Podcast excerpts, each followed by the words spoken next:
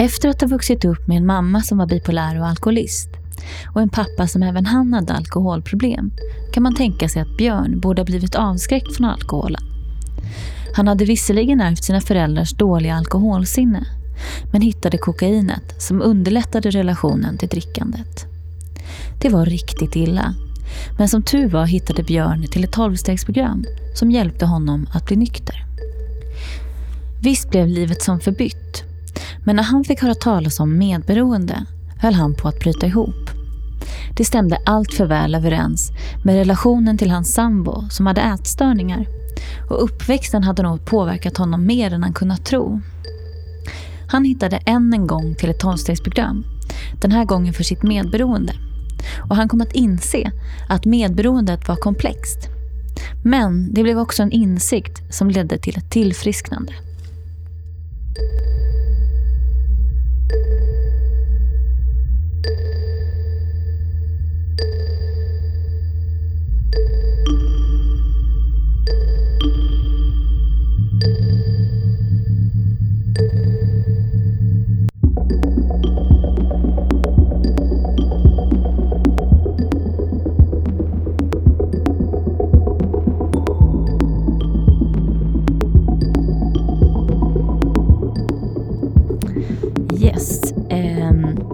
Jag tänkte börja med att fråga lite grann om hur din familjesituation såg ut eh, när du var liten. Alltså var det mamma, pappa, syskon eller?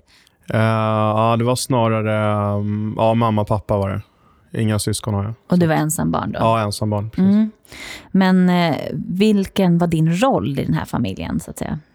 Det är svårt att säga för att eh, mina föräldrar skilde sig när jag var tre år gammal och sen träffades de lite efter det också ett par år. Därför så kan jag inte minnas så väl vad min roll var där, utan jag har ju snarare bott med min mamma mest då egentligen. Men även med min pappa på somrarna har jag gjort. Men har de bott i samma stad eller har det varit? Eh, de har bott i samma stad, Ja. Ganska nära egentligen kan man säga. Ja. Men har du känt att du har kunnat liksom komma och gå till dem som du vill? Eller har det varit väldigt tydligt liksom att nu är det hos mamma, nu är det hos pappa? Eh, ja, alltså jag har egentligen aldrig riktigt bott hos min pappa i stan då, jag, vanligtvis. Då, utan jag bodde hos min mamma, hon hade vårdnaden om mig. Så att, eh, och att komma till min pappa fanns inte på det sättet, att bara dyka upp där. Utan eh, det, var, det kunde ju vara till och med så att jag ringde honom i jobbiga situationer och han eh, ja, var rätt likgiltig inför det. Så. Men eh, hur kommer det sig att, att det var så?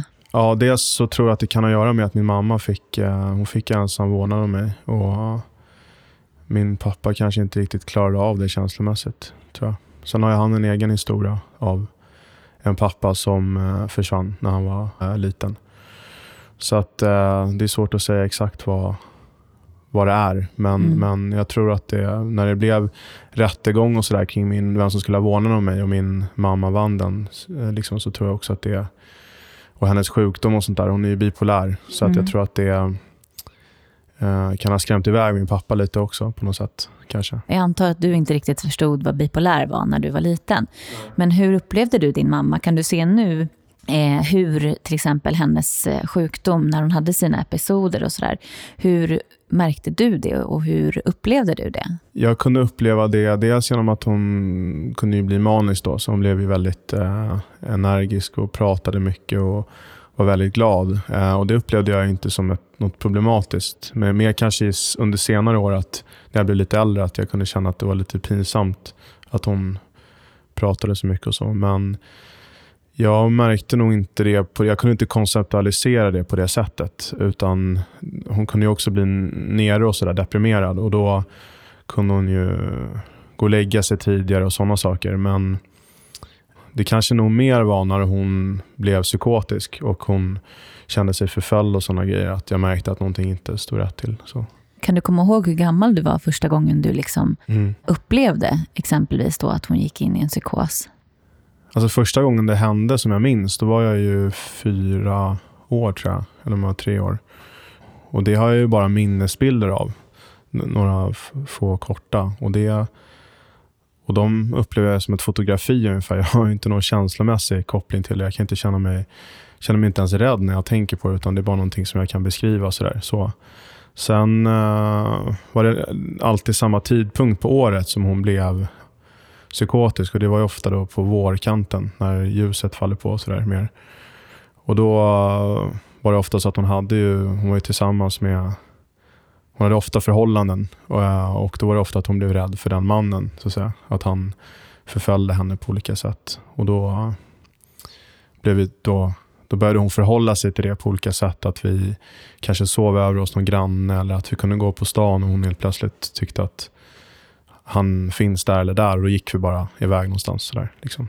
Hur upplevde du det? Jag tänker på dem, eh, eh speciellt om du då kanske hade börjat ha någon slags relation till de här männen. Mm. Även om det är klart att det är svårt att, att knyta an på det sättet när det är, ständigt är någon slags någon ny dramatik och så. Eh, men hur upplevde du det? Levde du dig in i, i den här rädslan och att den här mannen kanske var farlig? Eller försökte du liksom stoppa din mamma? Eller? Mm.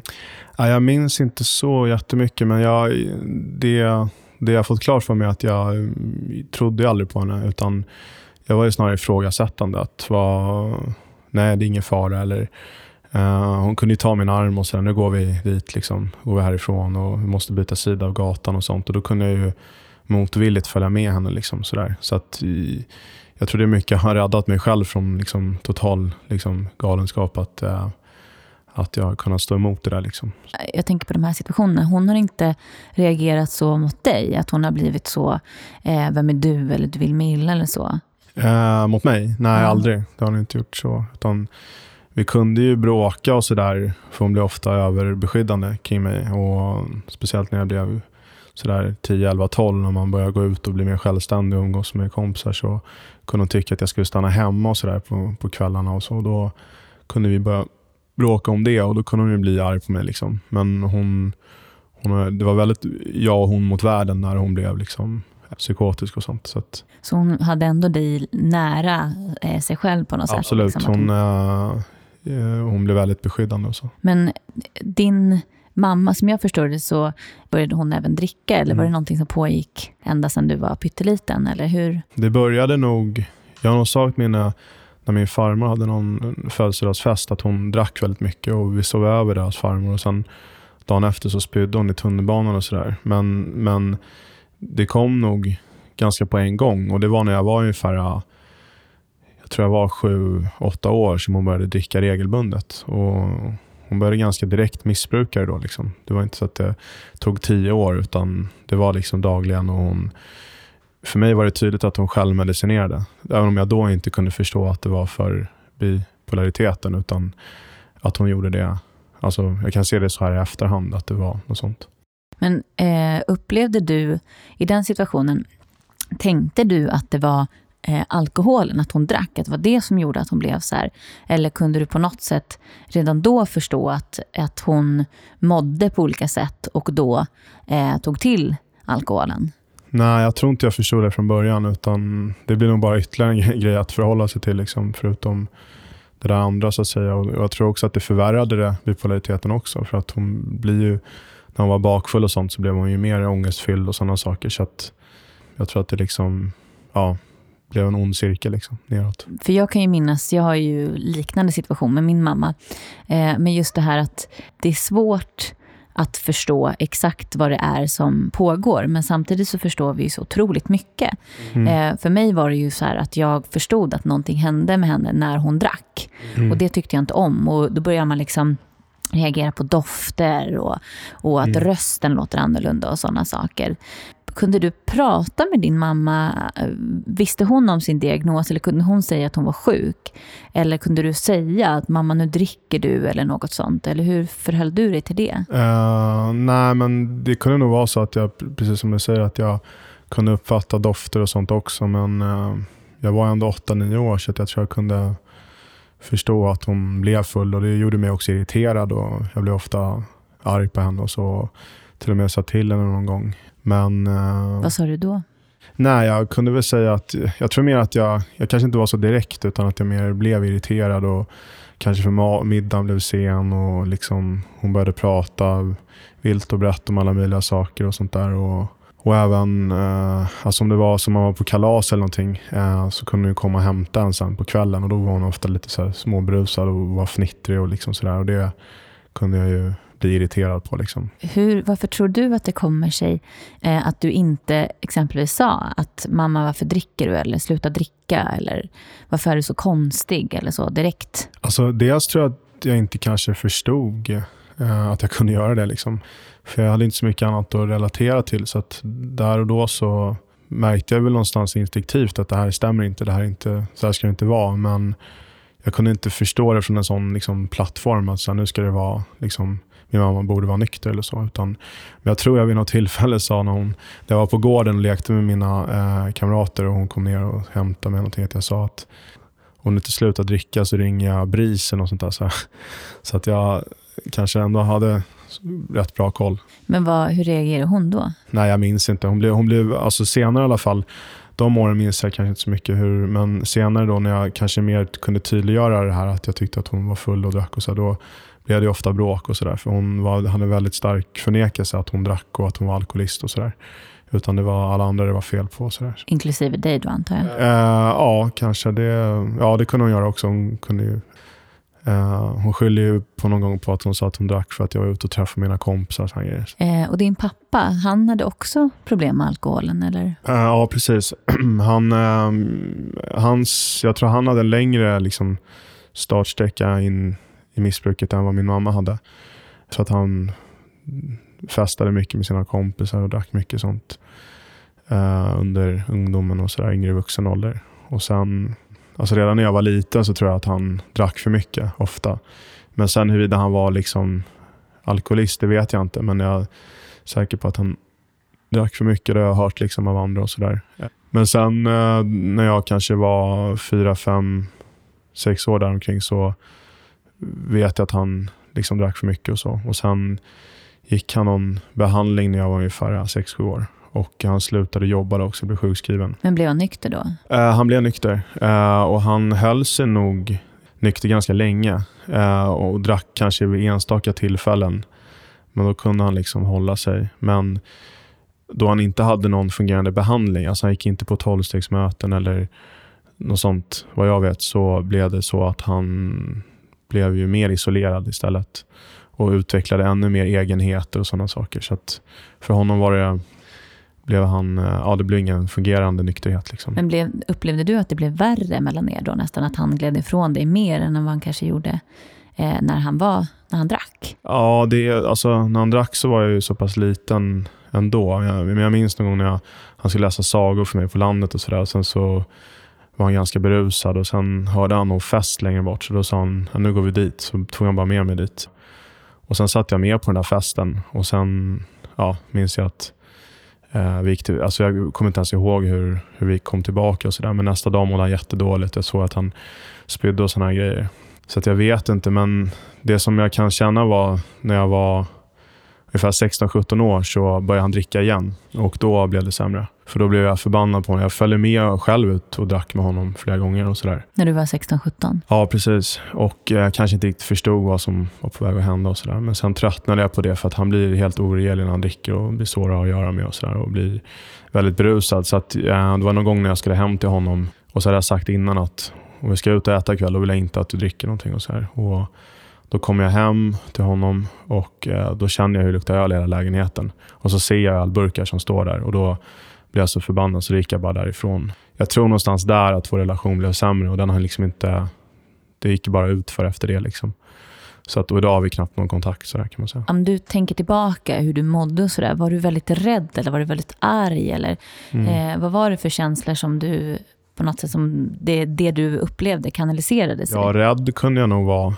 Eh, absolut. Vissa perioder kunde ju kanske mamma dricka mer och sådana saker. Och då vet jag att jag ringde min pappa som jag nämnde tidigare vid något tillfälle, någon kväll och frågade om jag kunde sova hos honom. Och då var han väl inte så pigg på det någon gång och någon annan gång så kom han förbi ändå. Sådär.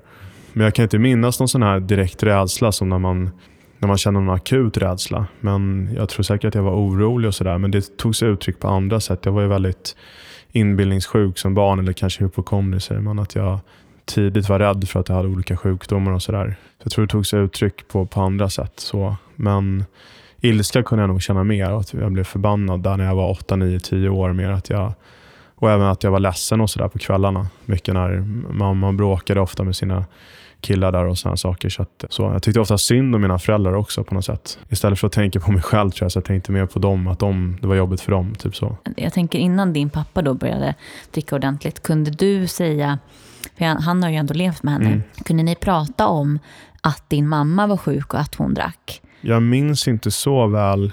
Eller så här, jag måste ju ha sagt till honom där att, jag, att hon drack mycket och sådana saker. Eh, men jag tror inte att det var någonting vi återkommande pratade om. Men däremot så när jag var 14 tror jag, eller om det var sommarlovet i åttan tror jag det var. Så jag var 13-14.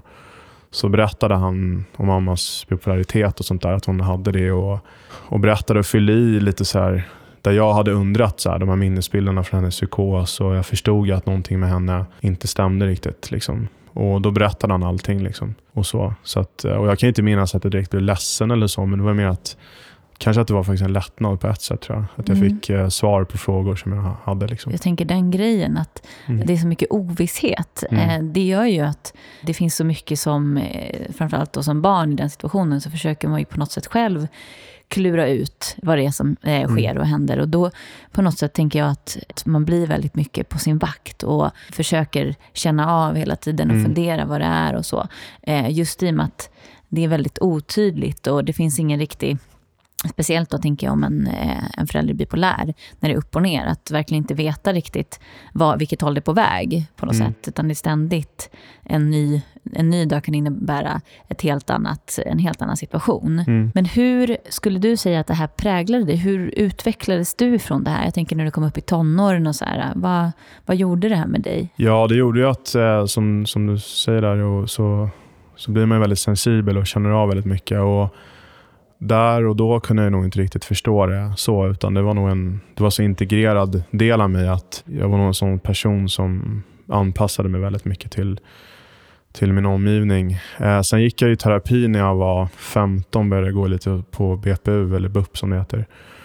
Och eh, började väl kanske lite förstå saker mer, men jag skötte väl inte det där så jättebra, och, även om jag tyckte om terapin. Och sådär.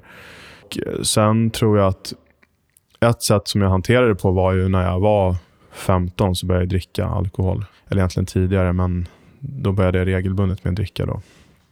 Och Det var framförallt på helger och sånt. Men var det att du sökte upp umgängen där det liksom gick att få tag på alkohol eller så? Eller vart du meddragen? Eller hur kan du... Um, ja, det, jag tror nog snarare att det var så i det gänget jag umgicks med. Att det fanns så att någon liksom hade det och så alkohol och så började jag testa. Och Jag gillade väl inte det första gången jag drack, allra första gången. Men, men sen började jag tycka om det. Och hade redan från början svårt att kontrollera mängd. Alltså jag drack eh, eh, stora mängder liksom och blev hämtad av polisen tror jag, tredje eller fjärde gången jag drack. och sådär.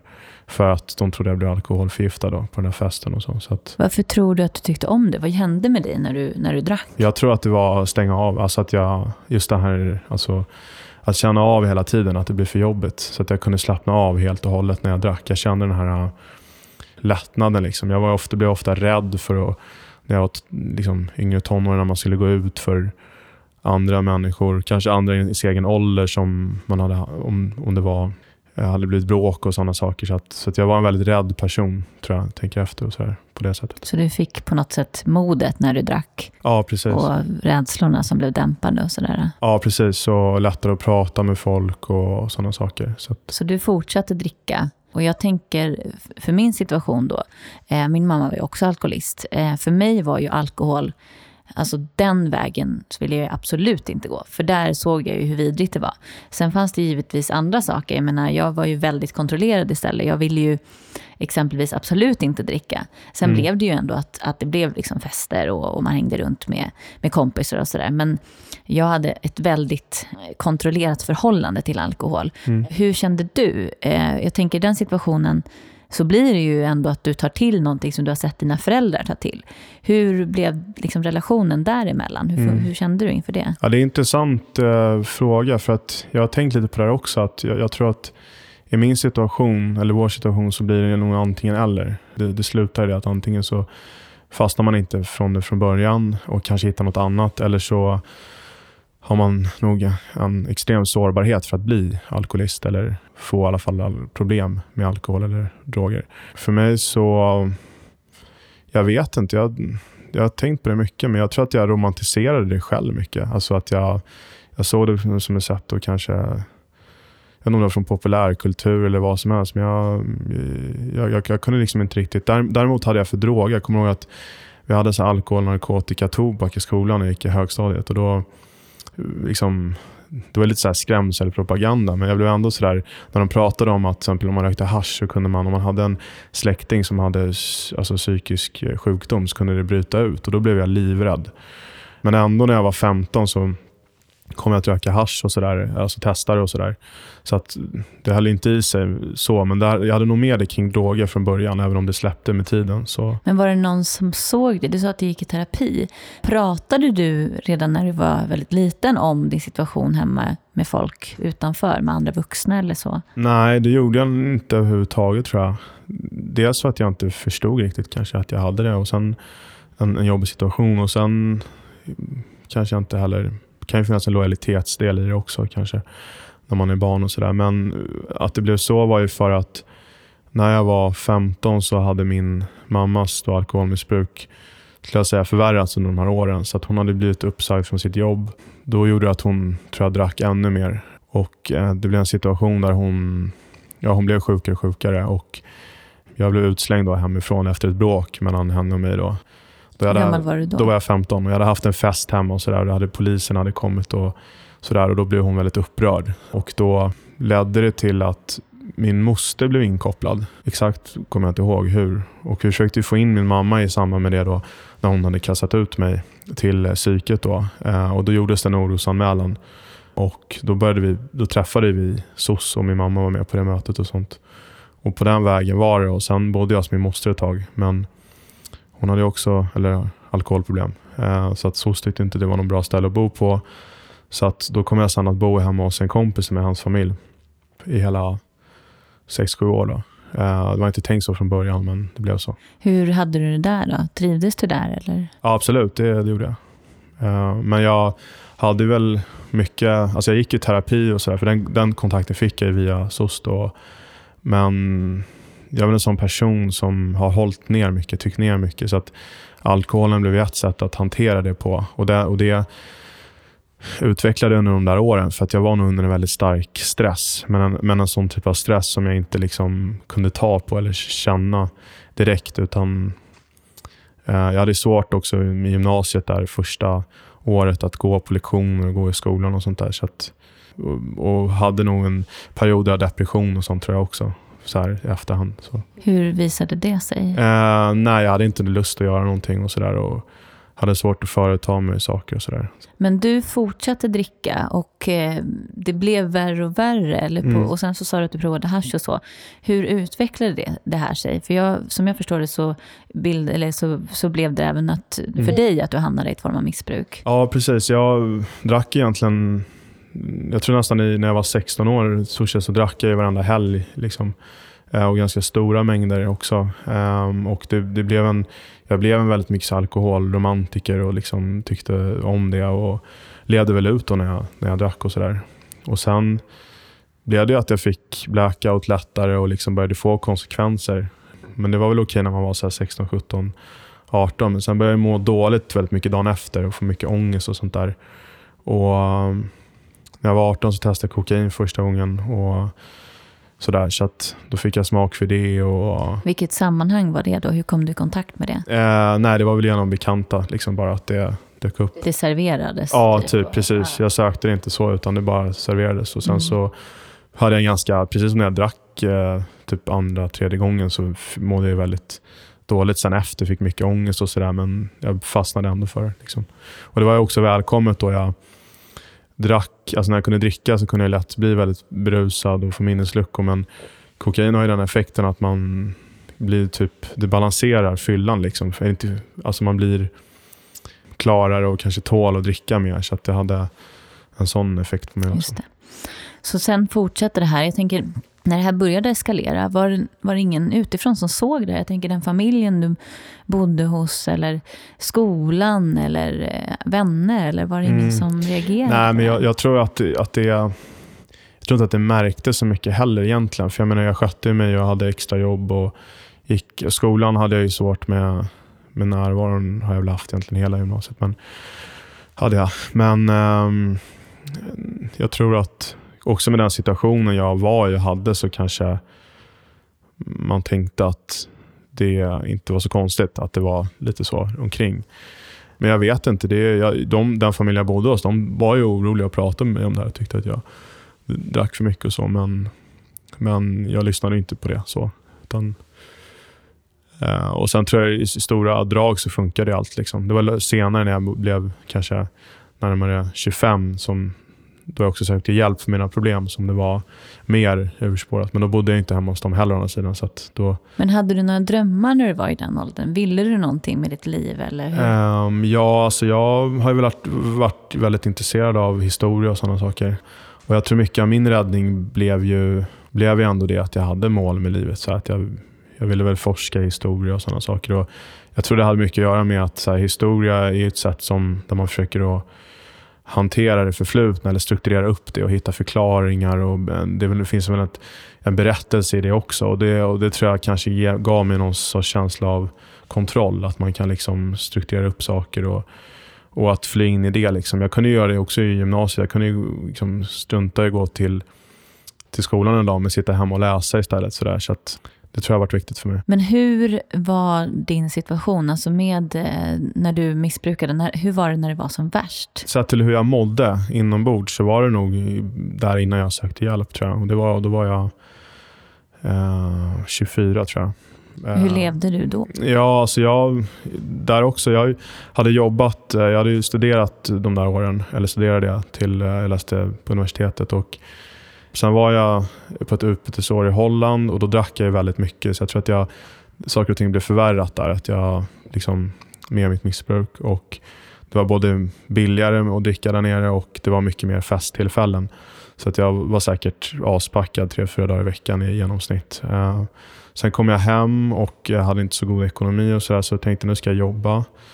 Uh, så jag började jobba som kock då. Uh, och det i en bransch, restaurangbranschen, där det finns väldigt mycket alkohol och sådär. Tillgång på alkohol och lätt att få tag på. Så att jag började väl dricka mer då också helt enkelt. Och jag började också få mer problem när jag var full. Att jag liksom blev aggressiv och mina vänner och sådär började ta avstånd från mig. Och Det var väl det som jag kanske kände var var en väldigt tung period. Jag kände att det, det här håller inte. Liksom. Alltså vad fruktansvärt att bli övergiven. Liksom.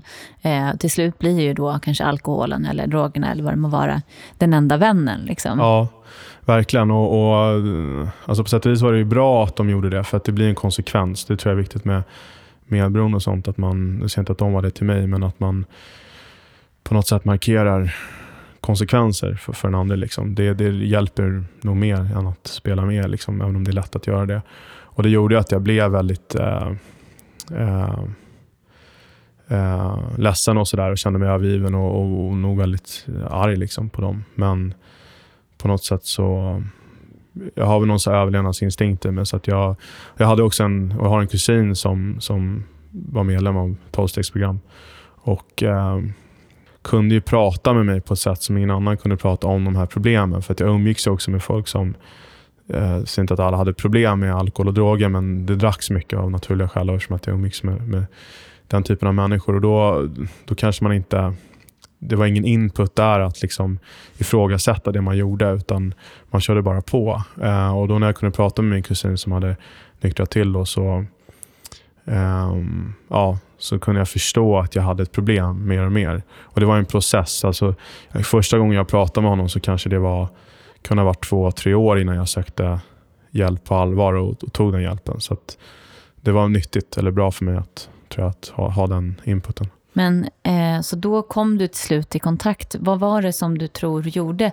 Var det för att han, hade, han mådde bättre eller var det för att du kände igen dig i hans historia? Eller vad var det som du tror gjorde att du ändå hakade på det till slut? Så att säga? Mm, alltså jag, det, jag tror att jag, jag hade ju också sökt hjälp egentligen redan när jag var 20-21 tror jag. Jag gick till någon öppenvårdsmottagning och fick antabus och sådär. Så att jag, jag hade känt att det var ett problem Och där kan man gå lite tillbaka till det här att även om inte mina föräldrars liksom, eh, historia fick mig att eller deras eh, missbruk fick mig att eh, bli avskräckt så kanske jag någonstans förstod att inte var någon bra kombination det här. Liksom.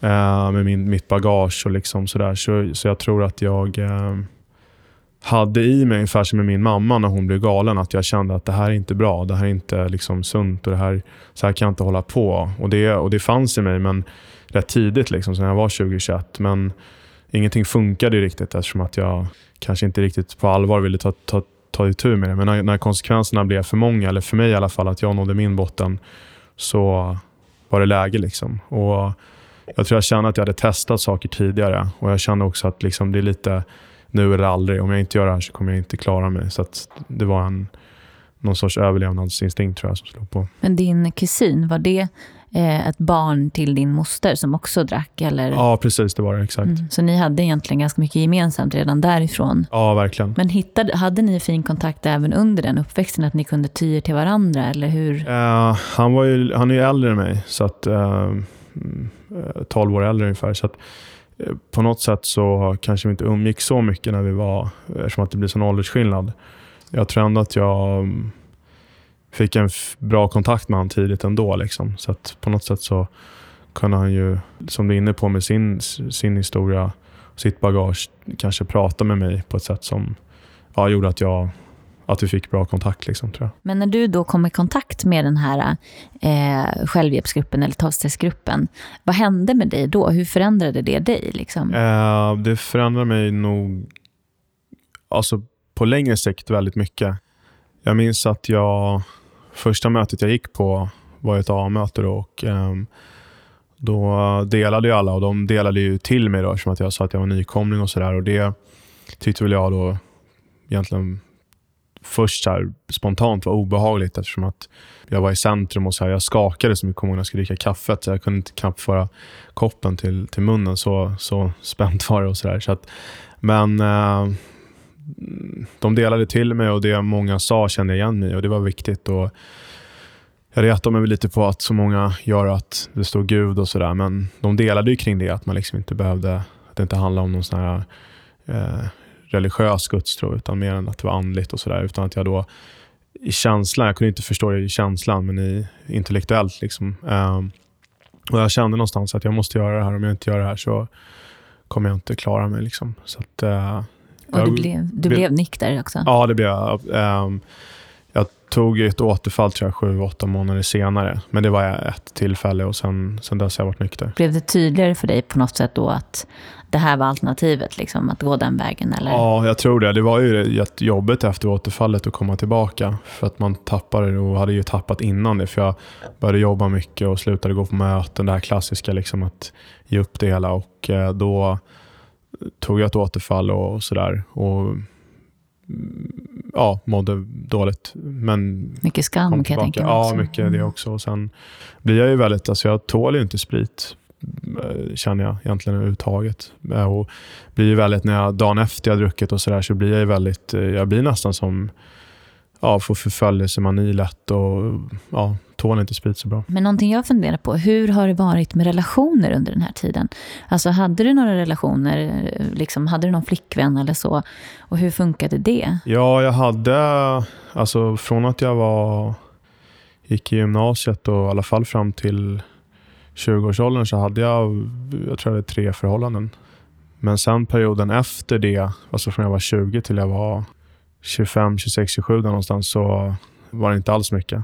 Uh, egentligen inget direkt så här förhållande utan jag vet inte, jag mådde nog sämre helt enkelt den perioden än vad jag gjorde innan. Så det var svårare att träffa någon tror jag. Men de relationerna som du hade, tog de slut på grund av ditt missbruk och så här, tror du? Eller var det liksom... Uh, man, då var jag ju så ung så att det är svårt att så här, men jag tänker mig att jag hade ju i alla fall en relation i, när jag gick gymnasiet och även som fortsatte då efter att jag hade gått ut gymnasiet där, jag, där det var problematiskt. Där jag där mitt beteende var som sådant att jag liksom, när jag drack och sådär, gjorde inte så bra saker. Alltså att jag var elak och sådär. Och, och, och kunde inte hålla saker jag hade lovat och sånt där. Liksom. Så, så, att, så att det, det, var problematiskt. Men jag tänker med, givet så ung som man var då, så hade, hade det nog kanske inte hållit ändå, om man säger så. Men, Men eh, sen då, i och med att du gick i då det här tolvstegsprogrammet och så, så började du må bättre. Mm. Men du träffade också en, en ny tjej då, du klev in i en ny relation. Mm.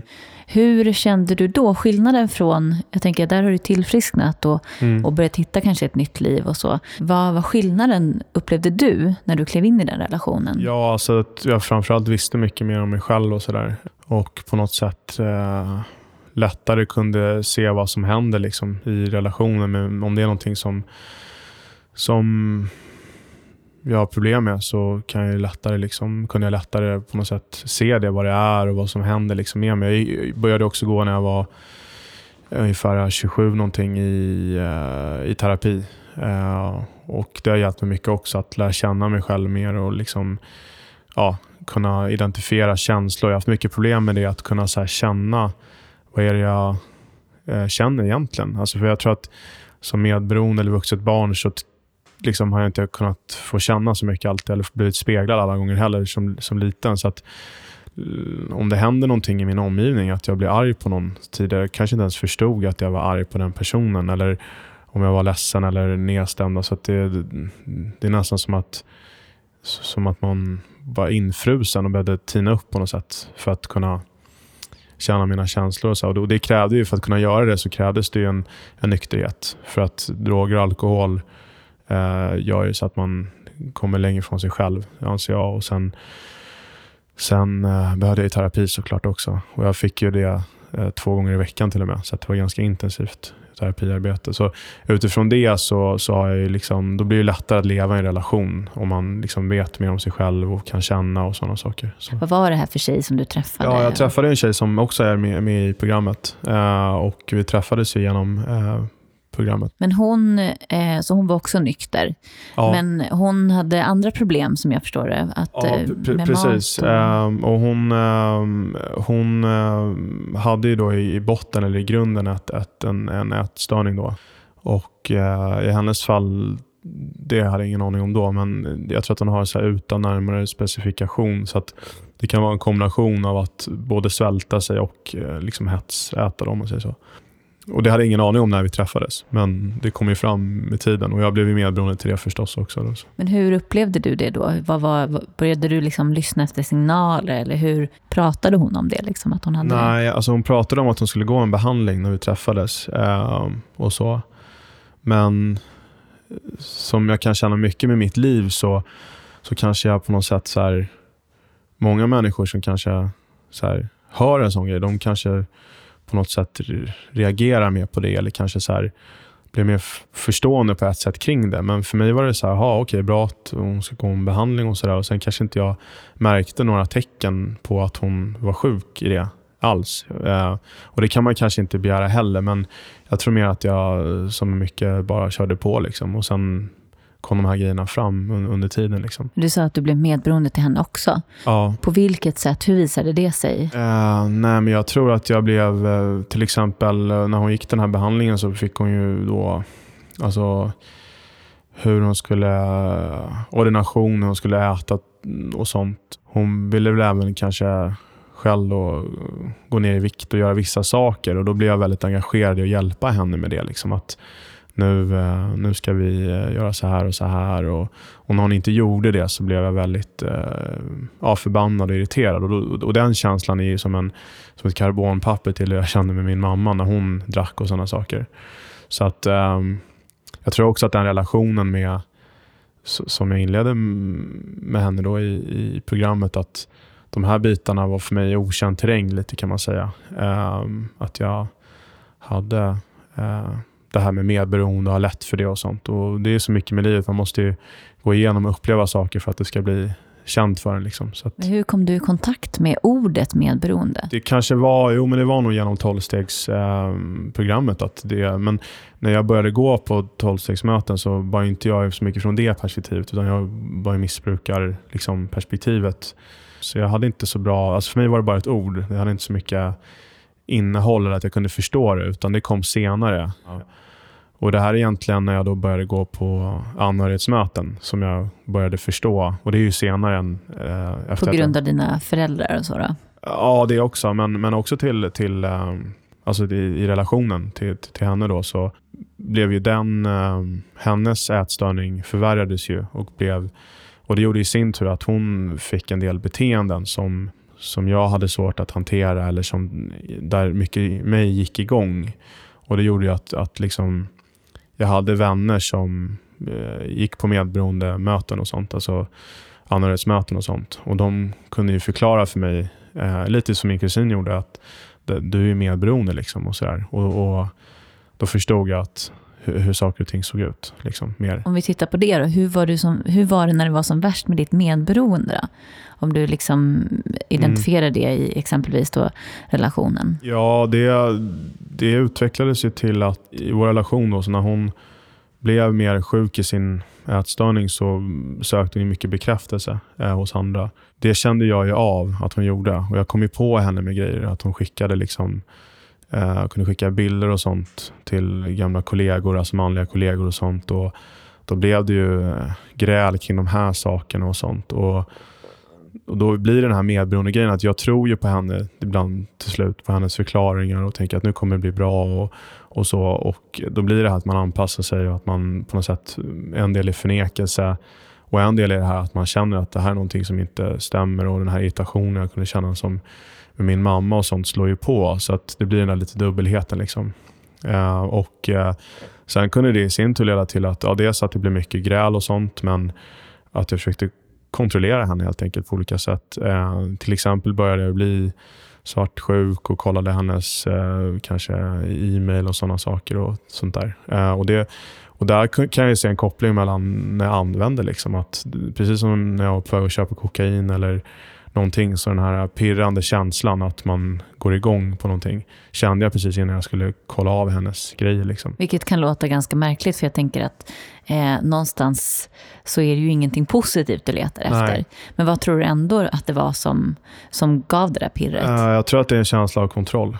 Att det är liksom att det är något på spåren, att jag måste kolla av och sådär hela tiden. Och det är en, en en, ja, ett kontrollbehov som får bli tillfredsställt. Liksom. Var det på något sätt att du önskade att du skulle hitta bevis? Eller tror du att det var att även om hon nu var otrogen, låt säga, så skulle du ändå veta det? Eh, kan du känna någon skillnad där? Ja, ja alltså jag tror att jag på ena sidan det blev en kamp mellan henne och mig. Där jag, precis som kanske med min mamma, kände så att ja, men, vänta nu, du är ju galen, det här stämmer inte. Så vill jag känna, förmedla samma känsla till till, till henne då att så här, ja, men nu, du kan inte hålla på så här. Du, du, och, och, och, hon förnekade ju det väldigt mycket att det var så och tyckte att jag var överdrivet svartsjuk, och så här, vilket jag till viss del var förstås. Men det hade en grund i någonting som, som jag inte kunde acceptera. Liksom.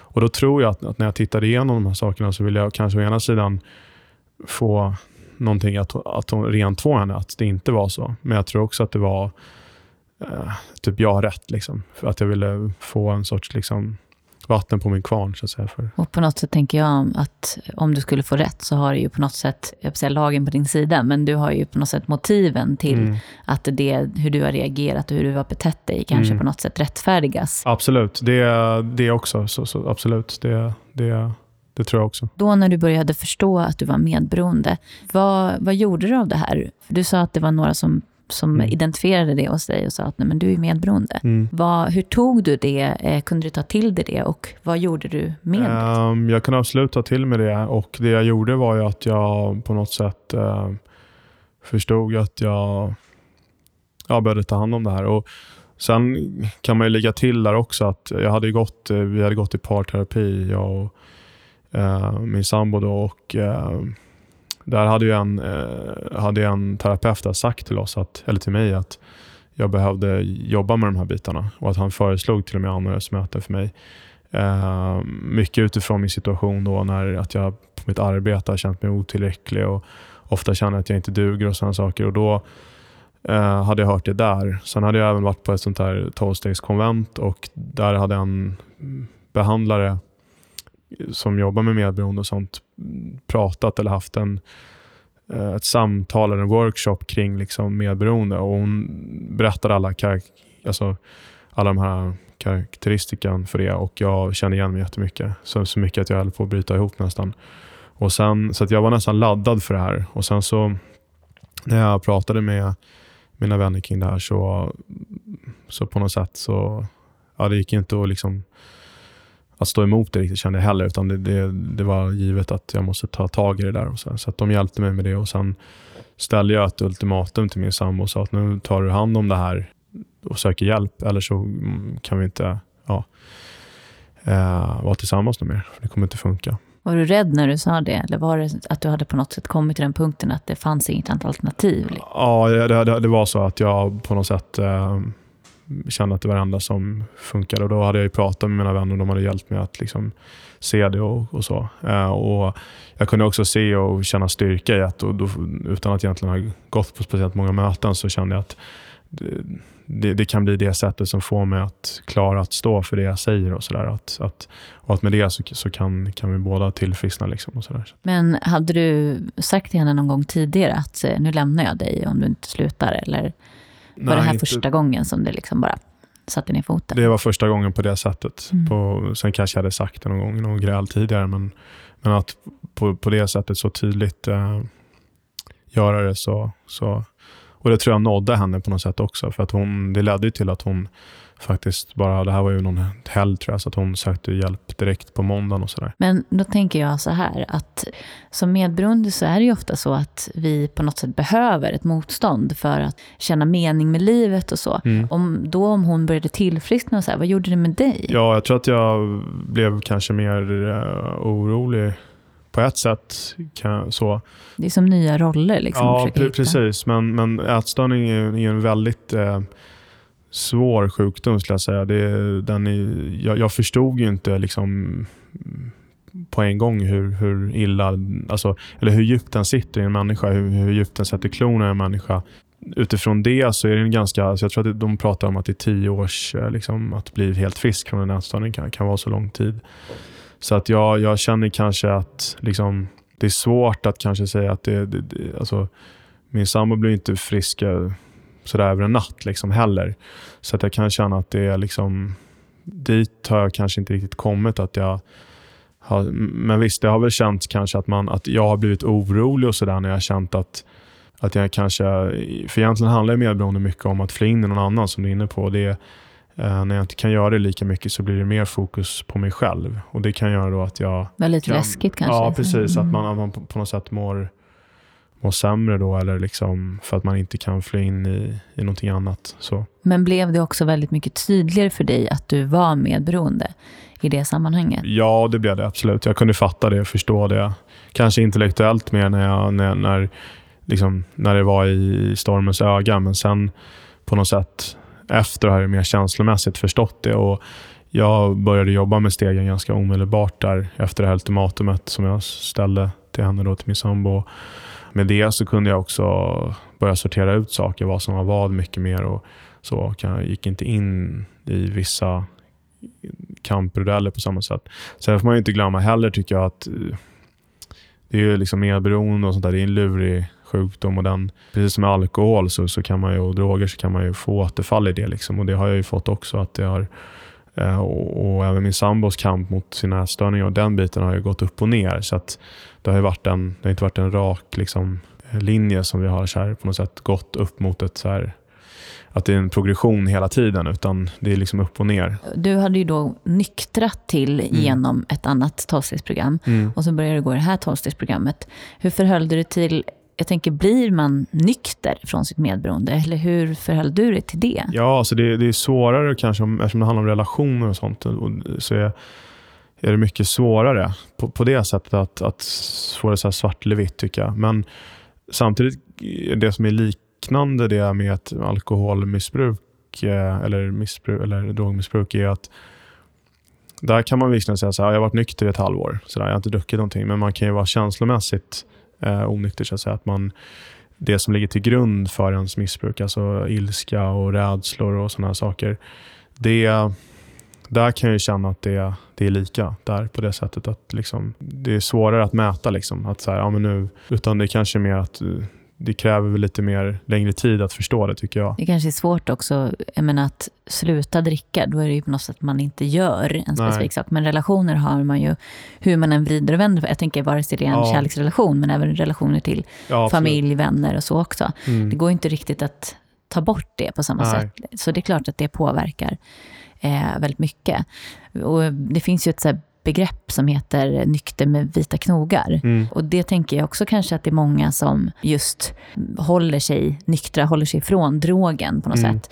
Men fortfarande kanske inte i kontakt med det här känslolivet. Just det. Och så. Jag hade Thomas Ristrand här som eh, driver en, behandlingshem, som, eller en behandling, mm. en slags gruppterapi eh, och som heter Absolutions. Mm. Deras tankar kring medberoende är ju att inget beroende uppstår eh, om det inte finns ett medberoende i grunden. Mm. Den, det utagerande som de kallar det för, eh, mm. tillflykt kan man säga också, du väljer kan vara vilket som helst. Men du gör det för att på något sätt medicinera bort dig från medberoendet på något mm. sätt. Och det tänker jag också på om man då behandlar, tar bort utagerandet. Det är väldigt vanligt också att folk hitta något nytt mm. eh, att liksom slukas upp i. Mm. Eh, och sen finns det ett annat så fint uttryck som, eh, som är någonting ingen kan tänka klart med, mm. med knutna nävar. Nej. Och så är det ju på något sätt, jag upplever när jag kom i kontakt och började bearbeta mitt, mm. så blev det ju som att man sakta men säkert började liksom kunna öppna den här handen. Och då först börja kunna tänka klart. Mm. Och det är väl lite så, tänker jag, med ett medberoende också, att eh, hela tiden komma tillbaka ut i den här avslappnade handen. Och det är väl klart, det är lätt att, att spänna den någon gång ibland, sådär. men att skillnaden är på något sätt att, att kunna tänka klart. Mm. Att inte bli fast i de här tankarna och känslorna och, och eh, bara slukas upp i det på något sätt. Mm, just det. Eh, vad tänker du om det? Uh, nej, men det, det känner jag mig jätteigen mig mycket. Och jag har ju under alla åren som jag har varit nykter och sådär och även inräknat i, när jag gått i liksom, eh, alltså tolvstegsmöten för anhöriga och sådär så, så har det gått upp och ner. Och jag, har liksom, jag har haft eh, perioder av när jag har mått jättebra i, i det, liksom, just som du säger, att då har han varit väldigt öppen. Men jag har också haft perioder när jag har liksom gått med stängd näve. Så att det, det, det, det, finns ju så naturligt i mig, så att säga. Att, eller alltså, på något sätt är ju, är ju normaltillståndet de här, de här, det här mörkret eller de här sakerna. Så det är ju det är ju lätt att hamna där ibland igen utan att man så här, kanske alltid tänker på det. Liksom. Att man är där på det sättet. Men ja, det går ju snabbare att ta sig ur det. Och jag känner också mycket snabbare att jag mår dåligt. Och då, då har jag ju folk som jag kan prata med. Och, och Sen har ju min, min sambo jobbar ju med sig själv väldigt mycket och jag tror det är en förutsättning att båda måste göra det liksom, om det ska funka. Och Sen behöver det inte vara perfekt allting, men bara man jobbar med sig själv och är villig att göra det. Liksom. Sen, då tror jag att det löser sig det mesta. Men hur mår du idag då? Jag tänker, nu har du ju, hur länge sedan var det sedan du började då, eh, gå i det här medberoendeprogrammet? Eh, det är ungefär, uh, det är nästan ett år sedan kan man säga. Och hur, om du jämför då hur du mådde när du kom in i det och hur du mår nu? Jag mår mycket, mycket bättre. Eh, alltså perioden då, så att säga, före att jag kom in där så var jag ju i stort sett man kan säga så här, jag levde nästan i någon sorts isolation. Jag träffade inte speciellt mycket människor, hade inte lust att göra det. Um, ja, jag var liksom nog, skulle kanske fylla kriterierna för depression och sådana saker. Um, och um, ja, och blev, var ju väldigt uppslukad av vår relation liksom, uh, till min sambo, vad hon gjorde, vad hon inte gjorde. Och, eh, liksom sömnlösa nätter kunde det vara. Alltså sådana saker. Och så är det verkligen inte nu. Utan nu, har jag, nu umgås jag med folk igen och liksom, ja, känna att saker är roligt, jag kan läsa och sådana saker. På, ja. Finns det en tillit som du känner att, som du saknade förut? Har den blivit på något sätt eh, verkligare för dig? Att det finns någonting, att du kan liksom släppa taget om någonting och lita på att någonting blir bra eller att du inte måste vara där och, och ja. röra runt? Absolut, det, det har jag. Eh, eller i alla fall så har jag det mer än tidigare. För att jag har nog väldigt svårt med tillit tror jag, överhuvudtaget och svårt att släppa kontrollen än än idag. Eller, liksom, eller med dem, givet om den bakgrunden jag har och så, så är det ju inte alltid helt lätt. Men i och med att jag går på möten och, och pratar med folk som är likasinnade och sånt så, så på något sätt så kan jag hålla emot det där så att det inte går och slår över. Liksom. Så, så kan man säga. Jag tänker, om du skulle rekommendera någon som känner igen sig i din berättelse eller någonting. Eh, om man exempelvis är i samma situation eller har gått igenom något liknande eller så. Och börjar då kanske inse ja, kanske att man har ett beroende eller ett medberoende. Så. Vad, vad skulle du rekommendera en sån person att göra? Ja, jag skulle rekommendera dem att eh, söka hjälp. Och det, det finns ingen liksom, anledning att gå runt och må dåligt i onödan som jag ser det. Eh, och det är aldrig för tidigt eller för sent. Liksom, sådär, utan det, det viktiga är att, att liksom, jag tror att för mig var det kanske att veta att hade inte min kusin pratat med mig, då hade jag kanske inte vetat om att hjälp fanns att få som fungerade för mig. Så att det viktiga är att bara liksom söka hjälp och, och mm, viktigt att man har den inställningen att, eller förstår att man kan inte klara saker och ting själv. Och det tror jag att som missbrukare och eller som medberoende vuxet barn så är man ju van vid att klara saker och ting själv. Eller man har den inställningen liksom, utan att försöka tänka att man inte kan klara det själv. Tack så jättemycket för din berättelse. Tack. Vill du veta mer om medberoende? Då kan du gå in på vår hemsida www.medberoendepodden.se. Där kan du läsa om typiska symptom, men du kan också läsa om olika lösningar som finns på problemet och den hjälp som finns att få. Du kan även följa oss på Instagram och Facebook. Och där heter vi Medberoendepodden. Tack och hej!